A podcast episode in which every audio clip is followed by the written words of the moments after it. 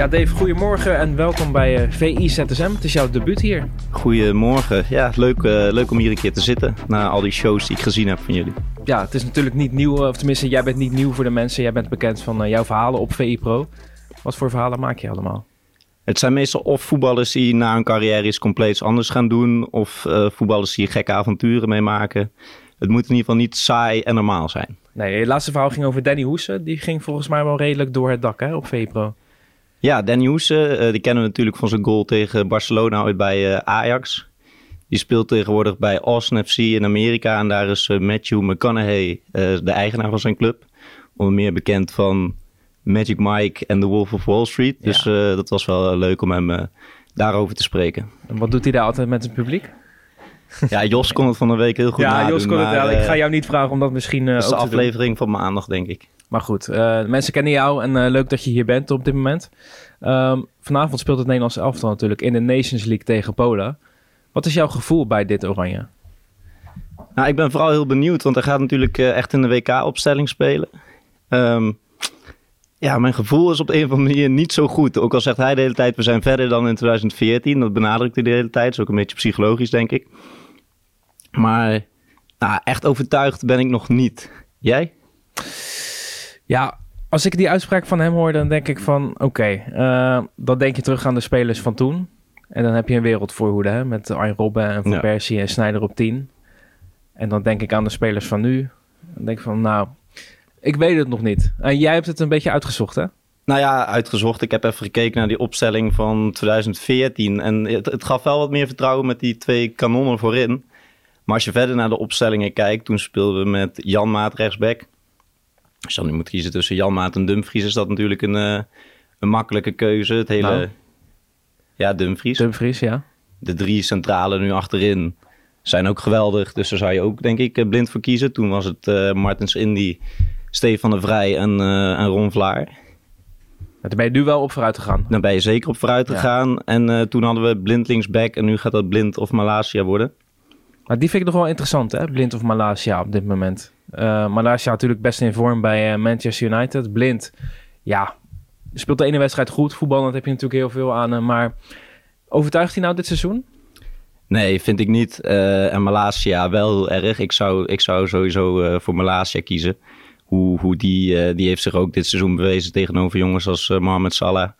Dus uh, ja, ik zou toch echt uh, voor Malasia kiezen. Maar ik heb toch ook het gevoel dat uh, Van Gaal, die is natuurlijk wel een groot fan van de speelstijl van, uh, van Daley Blind. Ja. en, en zijn vader is ook assistent, maar dat speelt natuurlijk uiteindelijk niet, niet echt een rol. Maar volgens mij is hij gewoon heel erg fan van de voetballer Daley Blind. Dus ik ben benieuwd waar die keuze vanavond op gaat vallen. Ja, en het gaat ook heel erg veel over keepers hè, bij dit Nederlands elftal. We hebben in de vorige VZSM al besproken, eerder deze week al met, met Simon Zwartkruis ook. Um, in ieder geval is het in ieder geval zeker dat Tim Krul niet meegaat naar het WK. Want hij wilde niet meedoen uh, aan de testen natuurlijk die deze week plaatsvonden hè, in, het, uh, in het kader van penalty stoppen. wat vind je ervan? Ja, dan ben je wel een redelijke persoonlijkheid. Want ja, ik vind op zich vanuit Engeland overkomen voor een penalty test. Ja, dan, ja, ik snap wel dat je dan een beetje een lulletje voelt. Plus hij heeft natuurlijk bij Norwich een supervol programma. En dat hij dan mee moet naar het WK, hopend op dat er een penalty-serie komt om dan er te moeten staan. Ik kan me voorstellen dat als je 34 bent, dat je dan denkt van... Uh, het is goed zo, ik uh, pak er lekker even mijn rust in zo'n uh, superdruk seizoen. Ja, denk, vind je dat echt? Vind je het niet nog steeds een eer om, om voor je land uit te komen op een groot toernooi?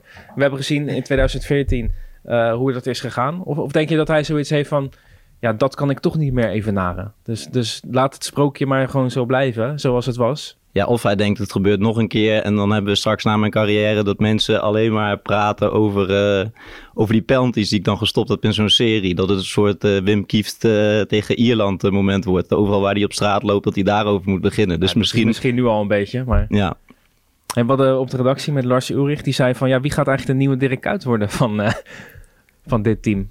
Zo, ja, dat moet een beetje een hardwerk, hardwerkende jongen zijn die overal ja op zegt. Dus misschien uh, is dat wat voor Davy Klaas of zo. Oh ja, maar, uh, ja, dat zou nog kunnen inderdaad. Nee, dat, die moet lekker op het middenveld blijven. Wat is jouw voorspelling vanavond, Polen tegen Nederland?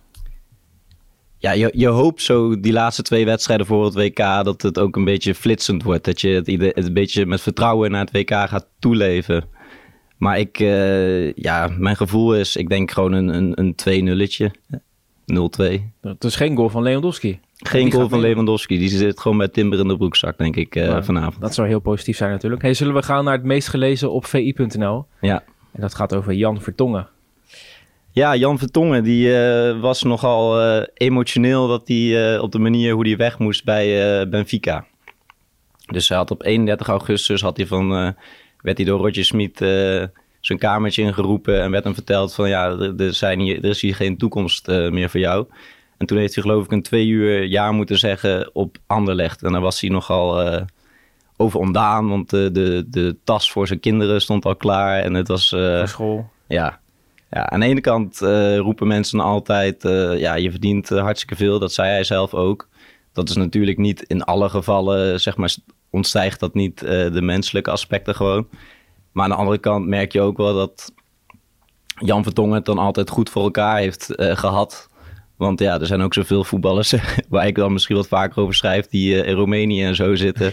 Waar je iedere dag afhankelijk bent van uh, of, de, of de eigenaar van de club met een goed gevoel is opgestaan of je mag blijven, ja of nee. Dus het was wel een beetje vanuit zijn.